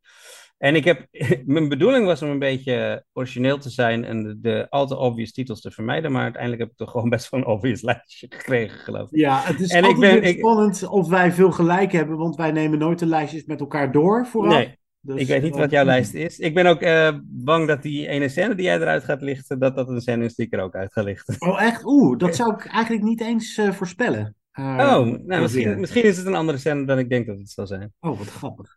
Ik ben benieuwd. Ga jij. Ja. ga, jij beginnen? ja, dat is goed. Laat ik dat doen met een, denk ik, een, een, een keuze die je niet zo snel verwacht. Ik ga met mijn nummer 5 naar The Father. Ah, Ja, ja. Met Anthony Hopkins en Olivia Colman. Eh, de Oscar-winnende rol van Anthony Hopkins. Hij werd, uh, ik heb natuurlijk weer de luisteraars gevraagd uh, op Instagram. Deze werd wel genoemd door één iemand. Jeroen Vrijnsen noemde ook deze relatie. Kijk aan. Zijn vader-dochterrelatie. Nou ja, waarom ik hem gekozen heb is de eerste keer dat je de film ziet, ligt alle focus op natuurlijk het briljante spel van Anthony Hopkins en de manier waarop dementie of Alzheimer wordt verbeeld. Namelijk dat je je bijna verplaatst in de geestestoestand uh, van, nou, even oneerbiedig gezegd, het leidend voorwerp. Ja. En dat je de weg even kwijt bent als hem. Uh, ook niet meer weet waar je bent en wie nou... Door het huis, ja. Ja, door dat huis, maar wie zijn dochter is. En heeft zijn dochter nou ja. wel of niet plannen om te gaan emigreren. De tweede keer ben ik meer gaan letten op de rol van Olivia Colman.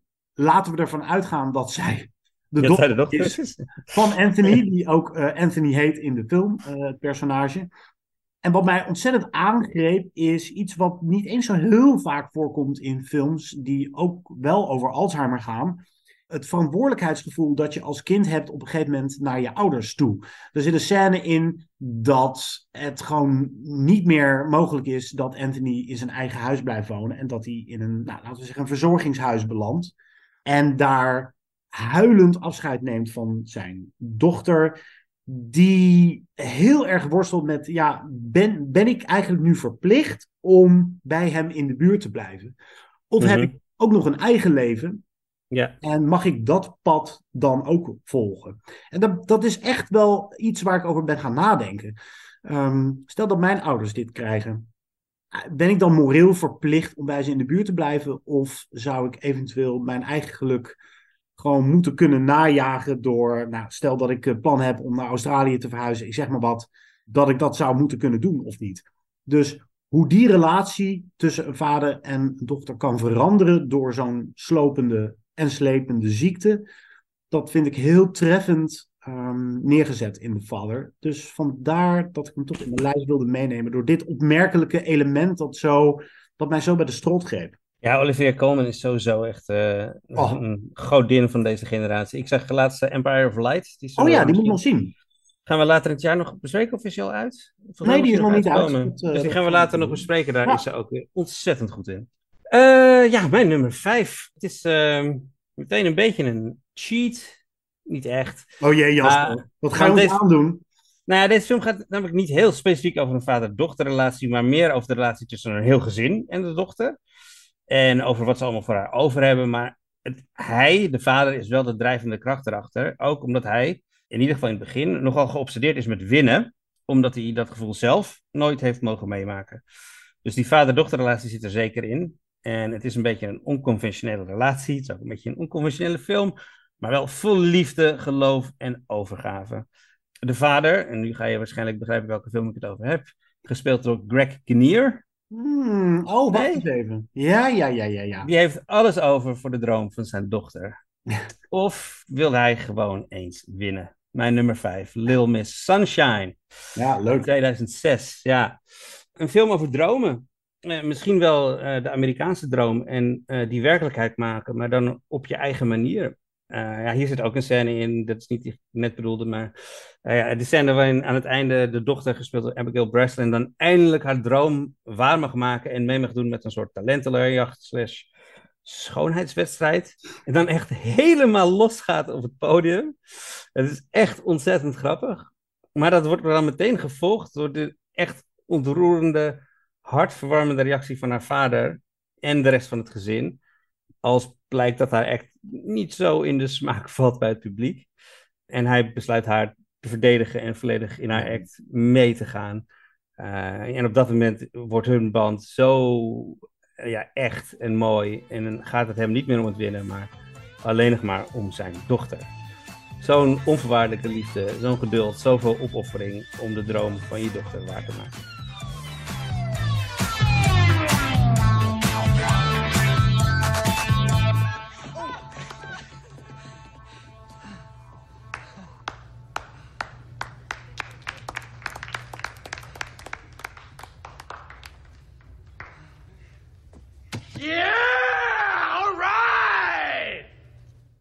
Ja, prachtig. Ik moet ook gelijk denken aan. Uh, ik, ik, ik, weet niet hoe jij dat doet. Uh, kijk, ik ben, is goed om even te zeggen, vader van een dochter van nou, 13 maanden ja. en een beetje. Dus ze is nog piep en piepjong. Ze zit momenteel op de opvang. En ik kan niet wachten om haar weer op te halen en dat vrolijke gezichtje te zien.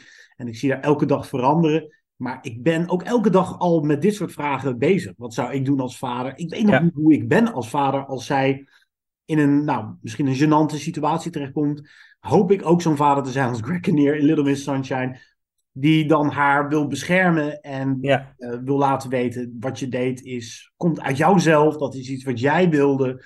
Dat moet gekoesterd worden en gevierd worden. Dat, dat is daar heel ontroerend aan. Ehm, ik, ik heb dat bij alle films die gaan o- over vaders en dochters tegenwoordig. Je ontkomt er niet aan. Je gaat het spiegelen op jezelf. Jouw dochter is al iets ouder, hè? Mijn dochter is elf. Ja, Voilà. eh, gaat binnenkort naar de middelbare school.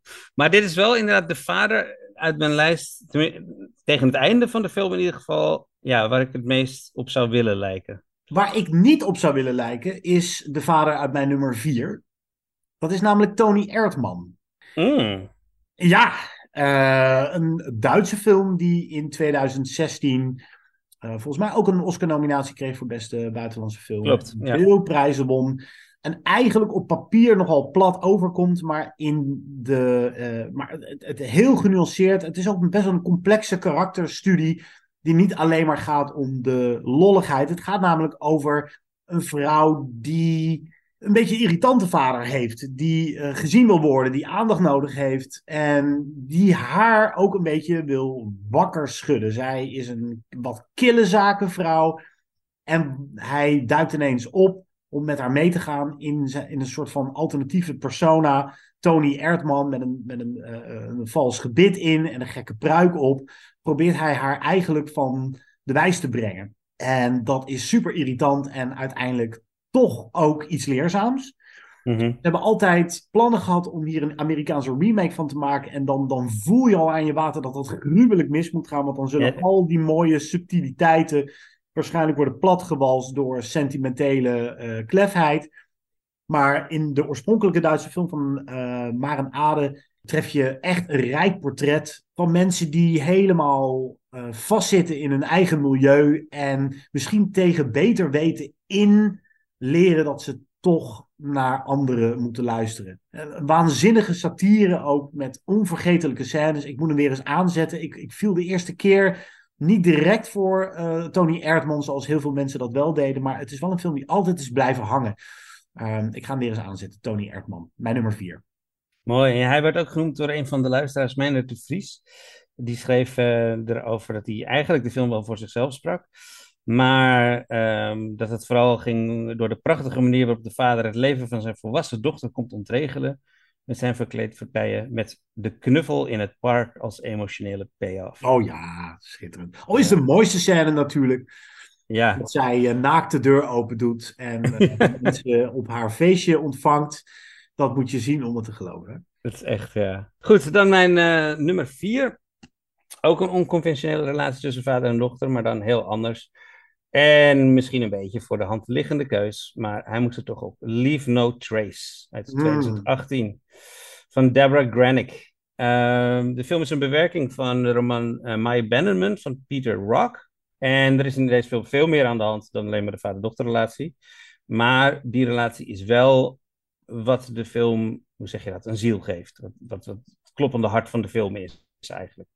En het wordt meteen in de openingsscène duidelijk. Dan maakt de film die, die band heel duidelijk zichtbaar. Uh, ik heb deze film sinds uh, 2018 niet meer gezien, maar volgens mij is het zonder dialoog, die openingsscène. En voeren zij gewoon hun dagelijkse ochtendritueel uit. En je ziet daarbij dat ze zo op elkaar zijn afgestemd. En ze doen alles zo vanzelfsprekend. Die acteurs laten je echt voelen dat ze vader en dochter zijn. En al maanden, misschien wel jaren op elkaar zijn aangewezen. Want de vader, gespeeld door Ben Foster, die heeft PTSD na zijn ervaring als soldaat in Irak. En hij heeft besloten de maatschappij de rug toe te keren. En samen met zijn dochter uh, een teruggetrokken zelfstandig leven in de natuur te leiden. Uh, zij zijn echt experts in het overleven. Ze leven van wat ze vangen en plukken, denk ik. Dat weet ik eigenlijk niet eens meer precies. Ja, ja. Volgens mij heeft hij ook nog een van de raar handeltje. Maar uh, ze leven vooral van de band die ze met elkaar hebben. En een hele tijd gaat het goed, tot ze ontdekt worden. En dan moet de vader een keuze maken. Ja, dit is, ik zei net van, ik, bij Greg dat zijn vader zoals je zou willen zijn. Dat is deze niet, daar heeft hij te veel problemen voor. En het is ook de vraag, of zijn keuze om zich terug te trekken uit de maatschappij wel goed is of slecht is voor zijn dochter.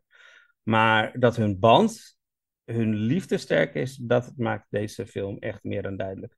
Ze kunnen gewoon niet zonder elkaar. Nou, Deze uh, kan je kijken op Apple TV trouwens.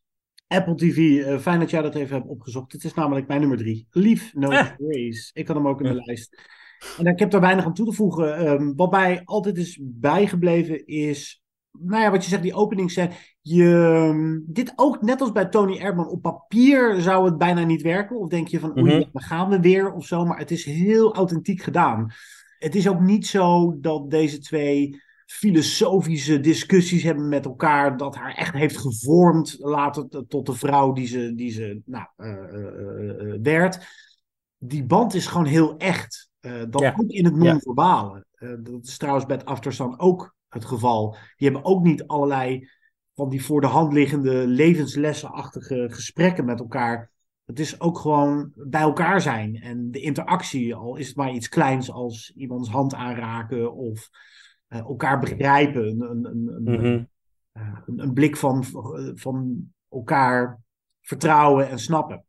Ja. En wat mij is bijgebleven van Leave No Trace is inderdaad constant die worsteling die je ook als kijker hebt met doet die vader hier zich eh, goed aan om zijn dochter eigenlijk eh, mee te slepen in zijn eigen trauma.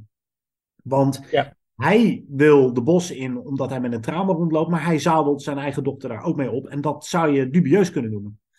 Waar Zeker. niet dat de liefde inderdaad heel echt is en heel puur. Schitterende film, eh, gespeeld door eh, Ben Foster, speelt de vader. En dan die Thomason McKenzie, die kunnen we vooral kennen Mhm. uit Jojo Rabbit. Daar zat zij ook in. Oh ja. Ja, erg sterke rol van haar. eh, prachtige film, Leave No Trace.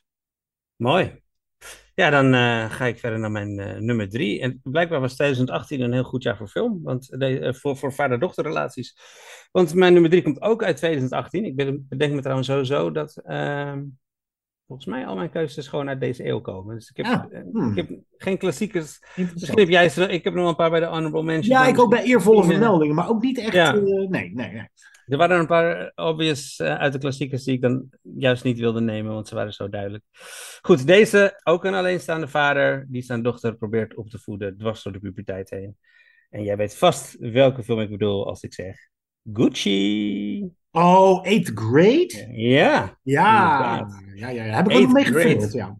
Ja, ja het is eh, tot nu toe nog steeds de enige film van eh, comedian Bo Burnham. Kijk trouwens ook echt zijn shows. Hij is echt een geniale comedian, stand-up comedian. Eh, en ook vooral zijn laatste corona special, Inside, staat op Netflix volgens mij, is echt meesterlijk. Maar anyway, Eighth Grade dus. Een film die hij schreef en maakte omdat hij door een angststoornis niet meer het podium op durfde. Hij was trouwens pas 27 toen hij Grade maakte. En de dochter uit de film, ehm, Elsie Fisher, die heeft ook zo haar eigen angsten. Maar ze doet zich eh, vooral online op haar eigen YouTube-kanaal ehm, heel anders voor dan ze zich voelt. Ze is vol vertrouwen en ze lijkt helemaal geen problemen te hebben. Die film draait om haar en om haar manier om met haar veranderende leven om te gaan, haar coming of age. Maar die vader-dochterrelatie die komt wel echt sterk naar voren, vind ik, in deze film. De vader wordt gespeeld door George Hamilton en die vader doet heel erg zijn best om er te zijn voor zijn dochter. Al, toont hij dat niet altijd zoals je misschien verwacht of gewend zijn. Ze, praten heel weinig, ze brengen heel veel tijd in stilte door, maar wil heel graag een deel van haar leven zijn. En zij sluit hem zoveel mogelijk buiten, want ze heeft gewoon haar eigen problemen. Maar door dat buitensluiten gaat hij zich alleen maar meer zorgen maken en, en helikopteren, zeg maar. En dan eindigt het met echt een hartbrekende scène, de kampvuurscène. Uh, die ook werd uh, aangehaald door uh, meerdere luisteraars zelfs. Waarin zij samen bij het kampvuur zitten en zij op een gegeven moment vraagt of hij verdrietig is. En dan vraagt hij: Nee, ik ben niet verdrietig, waarom zou ik verdrietig zijn? En dan zegt ze: Ben je niet verdrietig om het feit dat ik jouw dochter ben? Hmm, ja. Dus zij denkt, en ze zegt ook: Ik denk dat als ik een moeder zou zijn en een dochter als ik zou hebben, dat ik daar verdrietig van zou worden. En zijn reactie erop, zijn verbazing dat ze dat überhaupt zou kunnen denken. Het is echt hartverscheurend mooi. Prachtige film. Kan je ook huren op uh, Apple TV, iTunes. I stopped being scared about whether you were going to be okay a long time ago.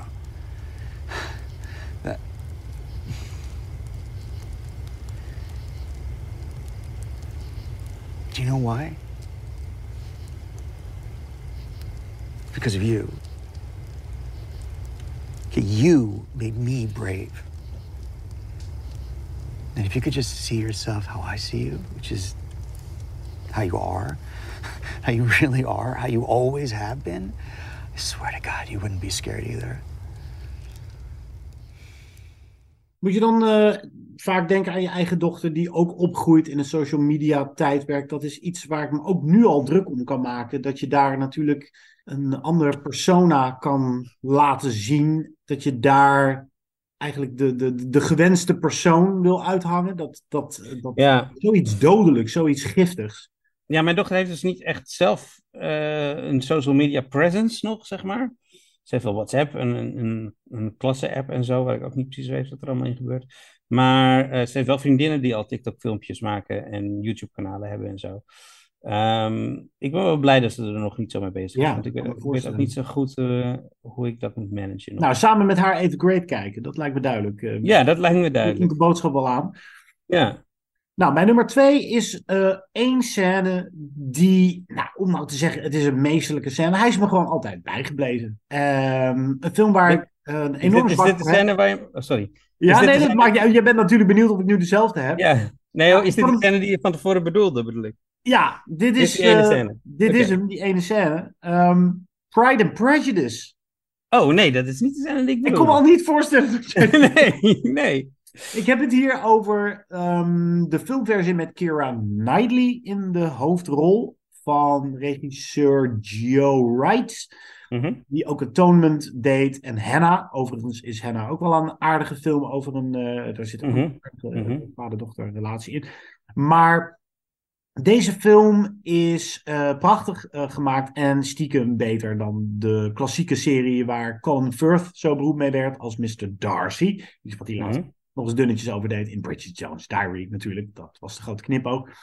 Maar er zit één scène in Pride and Prejudice waarin dat hele stijve van die tijd, uh, de Jane Austen tijd, de pruiken, de, de strakke corsetten en uh, vooral nog strakker houden aan de sociale conventies en toestemming vragen voor huwelijk en uh, met wie je het allemaal doet, uh, wordt doorbroken in een schitterende scène waarin zij eindelijk haar hart lucht naar haar vader, gespeeld door Donald Sutherland. En de manier waarop Donald Sutherland daarop reageert, heel geëmotioneerd en niet anders kan dan haar gelijk geven, is me altijd bijgebleven. Misschien omdat ik ook een enorm zwak heb voor Donald Sutherland als acteur. Een, uh, iemand die toch eigenlijk misschien iets te vaak als een bad guy of een in ieder geval een onbetrouwbaar iemand is gecast. Maar als pater familias vond ik hem zo warmbloedig. En die, die, die betraande ogen van hem die zijn me altijd bijgebleven.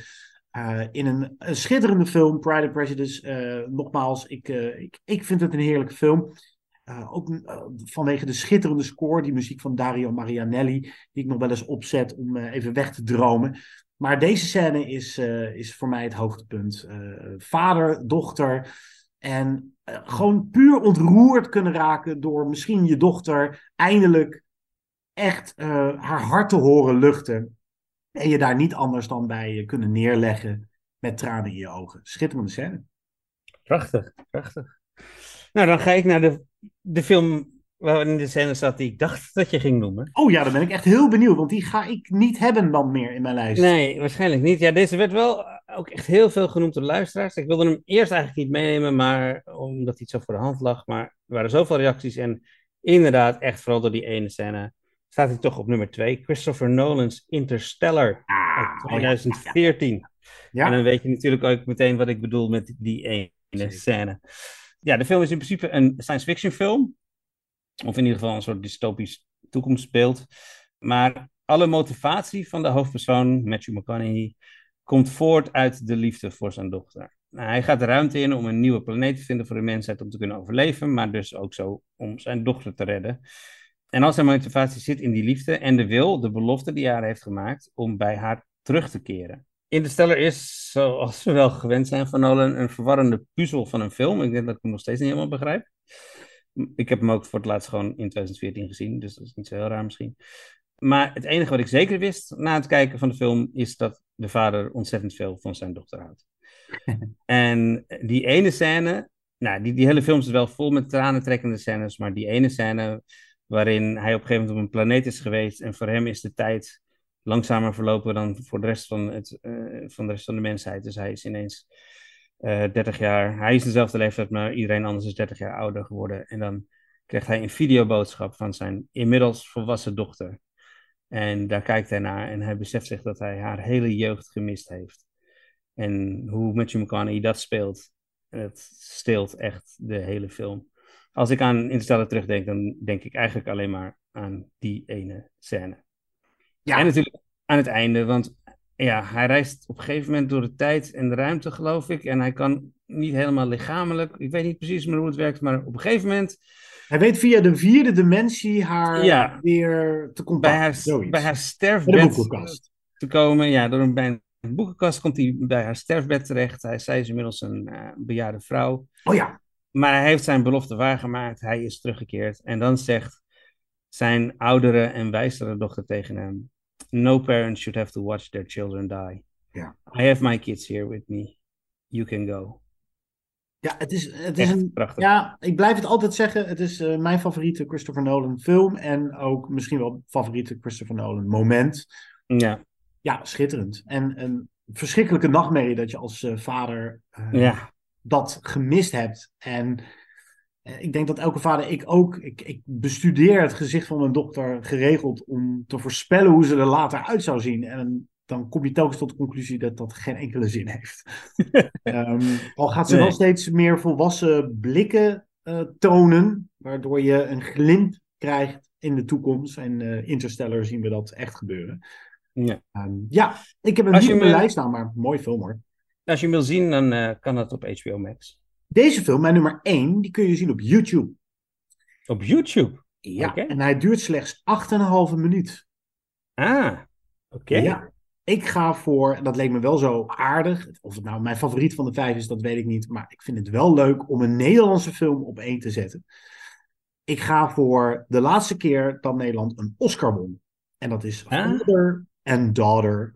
Hoe toepasselijk uh, is dat voor deze lijst? Hij heet ook Father and Daughter. En het is Geweldig. een animatiefilm uh, van Michael Dudok de Wit die een hele eenvoudige, maar prachtig ontroerende kleine 8,5 minuten durende korte animatiefilm maakte over een vader en een dochter relatie. Eigenlijk, uh, ze, ze, ze fietsen met z'n tweeën. Ze komen op een gegeven moment uh, bij een slootje aan. Hij gaat een bootje in, vaart weg en keert nooit meer terug. En zij keert altijd weer terug naar die plek in de hoop dat hij weer zal terugkeren. En zij wordt in die, in tussentijd ouder en ouder. En dan zit een schitterende slotscène in. Het is een combinatie van. Het, ook de kunst van het weglaten in de animatie vind ik heel erg mooi. Het is um, bijna zwart-wit met wat, slechts wat bruintinten. Er wordt ook bijna niet in gesproken, of zo goed, nou, volgens mij helemaal niet ingesproken. Bijna niemand kent hem. Uh, dat is jammer. Dan win je een Oscar. En dan mag hij ook wel weer eens uh, uh, worden aangeprezen in een podcast als deze. Michael Dudok de Wit of die nou daarna keihard is doorgebroken, dat weet ik niet. Maar hij wist op basis van Father and Daughter toch wel mooi een contract eruit heeft hij weten te slepen met de beroemde studio Ghibli uit Japan van uh, Hayao Miyazaki. En daarvoor maakte hij onder meer een schitterende film, die ook nog bij een top 10 van het jaar haalde, jaar of vier, vijf geleden. The Red Turtle. Heb je die gezien? Oh ja, ja zeker. Die is ook heel, heel, heel erg mooi. En die is uh, dus ook van Mikael Dudok de Wit. Kreeg hij ook een Oscar-nominatie voor. Dat beeldje won hij toen niet. Maar Father and Daughter. Nou, uh, ook een beetje omdat het gewoon to mooi toepasselijk was. Mijn nummer 1 van deze lijst. En je kan je hem dus laten zien op YouTube. En je gaat het niet geloven. Maar uh, nee, ik heb hem niet nummer 1. Oh. Hij, is wel, hij, is, hij is wel genoemd door een luisteraar. Oh, oh, wat goed. Wat fijn. Ja, Sitok die uh, schrijft, ik weet niet of shorts ook meetellen in de top 5, maar een honorable mention op zijn minst voor Michael Dudok de Wits, Oscar-winnende short, Father and Daughter. Oh, wat fijn. Lijkt me wel op zijn plek. Een ja, prachtige, indrukwekkende short film. Dan mijn nummer 1. Uh, tja, hoe ga ik dit nou inleiden? Um, een vader-dochterrelatie hoeft natuurlijk niet altijd tussen een kind en een volwassene te zijn. Dat heb je al net al laten zien, bij bijvoorbeeld de vader. Uh, want beide kunnen al volwassen zijn. Maar hoe volwassen zijn ze eigenlijk? De vader en dochter van nummer 1, Winfried en Ines. uit jouw Tony Erdman. Ah, Ja. sorry dat ik het gras heb weggemaaid. Nee, ja, zo werkt het top 5 nou eenmaal. Nee, ik heb hem echt op nummer 1 staan. Ik vind het echt een geweldige... Het is een Duits-Oostenrijkse co-productie. Het is een comedy slash drama inderdaad van Maren Ader. 2016. Ja, eh, ik vind het echt, eh, echt een geniale film. Hoe zij inderdaad eh, een soort carrièrevrouw vastzit in haar ritme. Hij wil deel uit gaan maken. Ze zijn van elkaar vervreemd. Hij wil deel gaan uitmaken van haar leven. En eh, het lukt niet op een normale manier. En dan komt hij met dat personage en met allerlei andere personages. En de ene practical joke naar de andere. En hij wil dat ze meedoet met zijn grapjes. En zij vindt het alleen maar irritant en beschamend en afleidend. Maar ze moet er wel mee omgaan. Want op een gegeven moment besluit hij geloof ik ook vrienden met haar baas. Die gaat Oh ja. helemaal... Hij wordt gewoon life coach, coach van, de, van, van haar baas. Dus ze moet hem wel serieus nemen. Ook als personage, zeg maar. En uiteindelijk gaat ze natuurlijk eh, ja, eh, zelfs haar eigen levenskeuzes in twijfel trekken. Hij heeft haar echt wakker geschud. En ze hebben weer een band. Ze waren van elkaar vervreemd, maar ze groeien zo op echt onconventionele manier naar elkaar toe. En niet dat het dan aan het eind allemaal Hosanna en happy end is, want het is geen Hollywood-film. Maar we krijgen wel als hoogtepunt een heel ongepast en vol overgave, overgave gezongen Whitney Houston nummer. Tijdens een etentje. Ja, dit is echt een film die je voortdurend op het verkeerde been zet. Het gaat steeds net de andere kant op dan je verwacht. En die verwachting die heb je door je kijkervaring van alle andere films die je daarvoor gezien hebt. En deze film kiest net elke keer iets anders dan wat je verwacht. Het was echt een onverwacht succes. Hij werd door eh, John's geliefde Sight and Sound zelfs eh, uitgeroepen tot beste film van 2016. Ja, echt een bizarre en originele film die je gewoon gezien moet hebben. Een beetje klassieker status wel, toch? Denk Ja, ik. nu, nu al. Ehm, hij staat op HBO Max, dus je kan hem, als je daar een abonnement hebt, eh, gewoon aanzetten vanavond. En ik zou zeggen, doe dat vooral. Ja, jij hebt het, eh, het meest hier al over gezegd, over Tony Erdmann, dus ik hou het kort. Maar ik vind het, eh, het was voor mij ook echt een verrassing toen ik het voor het eerst zag. Hij duurt ook echt lang, hij duurt bijna 2,5 uur. En heeft die tijd ook gewoon nodig om die verandering in die personages volgens mij eh, geloofwaardig neer te zetten.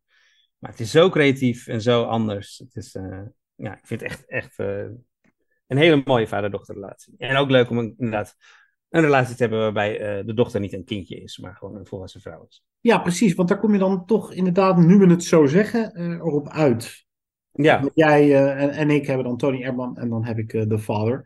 ja. En Interstellar, in welke categorie die dan valt, ja die zit er een dat weet ik dan even niet. Maar Nee. mooi. Nou, dan hebben we volgens mij een aardige lijst waar ongetwijfeld wat van eh, over de rand is gevallen. Ja, heb jij nog wat? Nou ja, Honorable mentions. Ja, laat ik als eervolle vermelding dan vooral noemen The Descendants. Van Ja. eh, Alexander Payne met Ja. geweldige George Clooney. Misschien wel de beste George Clooney rol. Zijn vrouw ligt in coma. Het speelt zich af op Hawaii. En hij moet zijn dochters proberen ook een beetje ehm, van hun jeugd te laten genieten. Ondanks dat Mhm. vreselijke drama. Die dochter, eh, gespeeld door Charlene Woodley. Dat is echt haar doorbraakrol. Maar ik heb toch Ja. het gevoel dat deze film niet meer echt in het collectieve geheugen van ons allen zit. Wat onterecht is, want eh, het, is, het is echt een schitterende, mooie, maar ook hele grappige film. Ja, mooi. Nog andere? Nou ja, To Kill a Buck, To Kill a Mockingbird, To Ja. Kill a, to kill a Mockingbird. Die eh, had ik nog eh, genoteerd staan. En Ja, ik Anders krijg ik ja. ruzie met mijn vrouw. En die wilde, oh, die vind ik zo mooi. The Little Princess. Dat is een film van eh, Alfonso Cuarón. Ja, Echt waar? Oké. ja, geloof het of niet. Een film uit Oké. 2010 uit mijn hoofd. Waar, nou, ik moet er ook weer eens naar kijken. Maar ze zei, ja, wil je die op, op zijn minst dan even noemen namens mij? Dus dat heb ik hierbij gedaan. The Little Princess. Ja, die, eh, de Killer Mockingbird werd ook eh, door luisteraars genoemd. Eh Alineke schrijft daarover. Atticus en Scout hebben een paar keer een gesprek met elkaar op de veranda. Die veel zeggen over de goede band tussen die twee. Vooral de keer dat Scout verontwaardigd is, omdat de juf vindt dat Atticus haar niet op de goede manier leert lezen, staat me bij. Atticus luistert echt en begripvol naar Scout en behandelt haar als een gelijke. En hij legt dan iets uit of lost een probleem op met wijsheid en op een respectvolle en liefdevolle manier naar Scout. En leert haar ook gelijk waardevolle lessen. Maar goed, Atticus Finch vind ik sowieso een erg sympathiek karakter en erg fijne vader. Hij is een van mijn favoriete filmpersonages. Nou, dat geheel terzijde schrijft ze. Ja, Atticus Finch, dat is zeker een, een van de klassieke, meest geliefde filmpersonages. Echt een Ja. on-screen hero, gespeeld door Gregory Peck. Ja. Ja. Ik had zelf nog een paar. ehm, Juno heb ik aan gedacht. Werd ook eh, genoemd door een luisteraar. Ook die, vooral die. Ja, de relatie dus. Want het gaat natuurlijk eigenlijk eh, om de zwangerschap van Juno. Maar hoe rustig J.K. Simmons reageert op het nieuws. eh, dat zijn dochter, eh, zijn tienerdochter zwanger is. werd ook genoemd door Meijner de Vries. Hoe begripvol hij daarmee omgaat. Dat was heel mooi. Waar andere vaders, schrijft hij, in meltdown zouden gaan. Die is mooi. Ik had ook nog eh, Train to Busan. Oh ja, ja. Want eh, die vader begint ontzettend egoïstisch en ehm, ja, eh, denkt alleen maar aan zichzelf. En aan het einde of, ja, is hij bereid zijn leven te geven voor zijn dochter, bij wijze van spreken. Het is een zombiefilm, maar de vader-dochterrelatie zit steeds sterk in. En verder had ik nog Logan, vond ik ook een mooie vader-dochterrelatie. En natuurlijk Beasts of the Southern Wild. Oh ja, die was ik vergeten. Ja, ja hele goede. vind ik ook echt mooi. En door een luisteraar werd ook nog The Wrestler genoemd. Oh ja. Ja, dus er waren echt wel veel opties. Want inderdaad, Train to Busan had makkelijk ook gewoon hierin gekund. Of The Beast of the Southern Wild had ook makkelijk in de top 5 gekund. Het was een uh, rijke lijst. Zeker. En bij mijn voorbereiding kwam ik er wel achter dat er meer vader-zoon films zijn gemaakt Ja. dan vader-dochter. Maar het zijn er toch eh, genoeg of eh, voldoende zat om een mooie lijst uit te destilleren. Volgens mij is dat eh, ons gelukt. En komt dat dan, denk je, omdat er meer, meer mannelijke regisseurs dan vrouwelijke regisseurs zijn? Ja, dat is een goede vraag. Ik weet het niet. Dat zou kunnen. Misschien dat vaders meer gebrand zijn bij hun zonen om in de wens dat ze hetzelfde worden als Ja. zij zijn. Of dat zij hopen dat hun zoon de gemiste kansen uit hun eigen leven eh, alsnog waarmaken. En dat daarmee iets wordt rechtgezet. En dat, dat, met dat fenomeen wordt wel veel gespeeld in de cinema. Ja. Idee. Ja. Dat is wat voor de hand liggender. Hey, en uit jouw, eh, jouw top 5 lijsten, welke vader eh, aspireer jij het meest om te zijn? Oeh, nou niet die Tony Erdman. Nee. Ook niet die van Leave No Trace. Ik denk uiteindelijk toch Donald Sutherland. Ja. Die uh, misschien niet helemaal achter de keuze staat van zijn dochter. Maar wel merkt dat ze er zo oprecht. Nou, dat ze zo zeker is van haar zaak. Dat je niet anders kan zijn dan ontroerd achterblijven. En daarmee instemmen. Als je al ergens ja. mee in mag stemmen als vader. ja, precies. Ja. Jij? Ja, ik denk, nu ik de honorable mentions bij zie, dat, uh, dat ik J.K. Simmons zou willen zijn. Ah, schitterend. Ja. ja. ja. Tot zover deze aflevering van Movie Insiders. Wij zijn volgende week hopelijk weer terug. Uh, daar gaan ja. we wel uh, vanuit met een film die ook wel een stevige recensie waard is, namelijk Tar. Met uh, Kate Blanchett in de hoofdrol, die hier mogelijk een Oscar voor zou kunnen winnen. Zij speelt een, nou, laat ik het even plat zeggen, een van MeToo-achtige praktijken mm -hmm. beschuldigde vrouwelijke dirigent. Een terugkeer ook van regisseur Todd Field, die echt jaren geleden zijn laatste film maakte, Little Children. Zeer de moeite waard. En daarvoor in The Bedroom. En over Tar valt een hele hoop te zeggen. Dus kijken we of we daar uh, net zo mooi uitkomen als bij After Sun. Er zijn ook hele theorieën al over, maar goed, daar gaan we het volgende week over hebben. Um, misschien kunnen we een leuke top 5 aan vastknopen. Nog een film, ik weet niet wat verder op de streamers uitkomt. We gaan het nog wel zien. Lijkt mij een goed plan. En tot die tijd, laat van je horen. Wat vinden jullie van After Sun? Heb je hem al gezien? Hebben wij iets niet in de recensie genoemd dat het vermelden wel waard is? Of zijn wij nog een film vergeten te noemen? Al was het bij de honorable mentions voor de top 5 vader-dochterrelaties. Laat sowieso van je horen. Alle feedback is welkom. Dat kan op onze website movieinsiders.nl. Dat kan via Facebook, Twitter, at movieinsight en ook via Instagram. Je kan ons ook een e-mail sturen. Lezen we met alle liefde voor. Ook misschien in een volgende show als je een mooi verhaal hebt. Het adres movieinsiderspodcast.gmail.com. Jasper, zullen wij eruit gaan? Jij mag kiezen. Zullen we eruit gaan met de muziek uit Interstellar, dat voor de hand ligt? Of zullen we eruit gaan met uh, wat oudbolliger um, muziek uit To Kill a Mockingbird van Elmer Bernstein? Ja, laten we dan maar voor de klassieker kiezen, omdat we hem niet in onze top 5 hebben meegenomen. Vind ik een mooie keuze. Laten we dat doen. Het was mij een waar genoegen uh, met jou hier te zoomen vandaag, Jasper. het, was, uh, het was heel fijn en vernieuwend. En uh, nou ja, hopelijk is de geluidskwaliteit oké, okay, maar het is, de inhoud was, gaat het natuurlijk om. Zo is dat. Tot snel Jasper en tot snel luisteraars. Tot volgende week.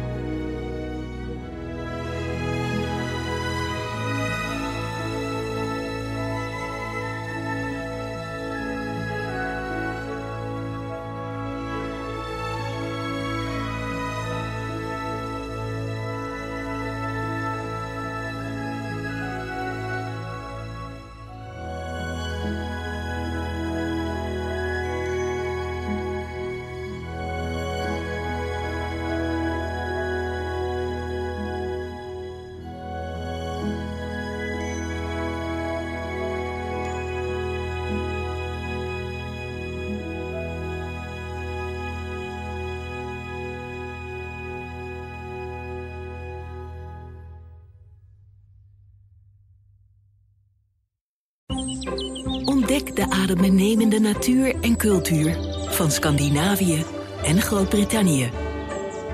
Plan jouw droomreis samen met Bureau Scanbrit. De vakantiespecialist voor Noordwest-Europa. Bureauscanbrit.nl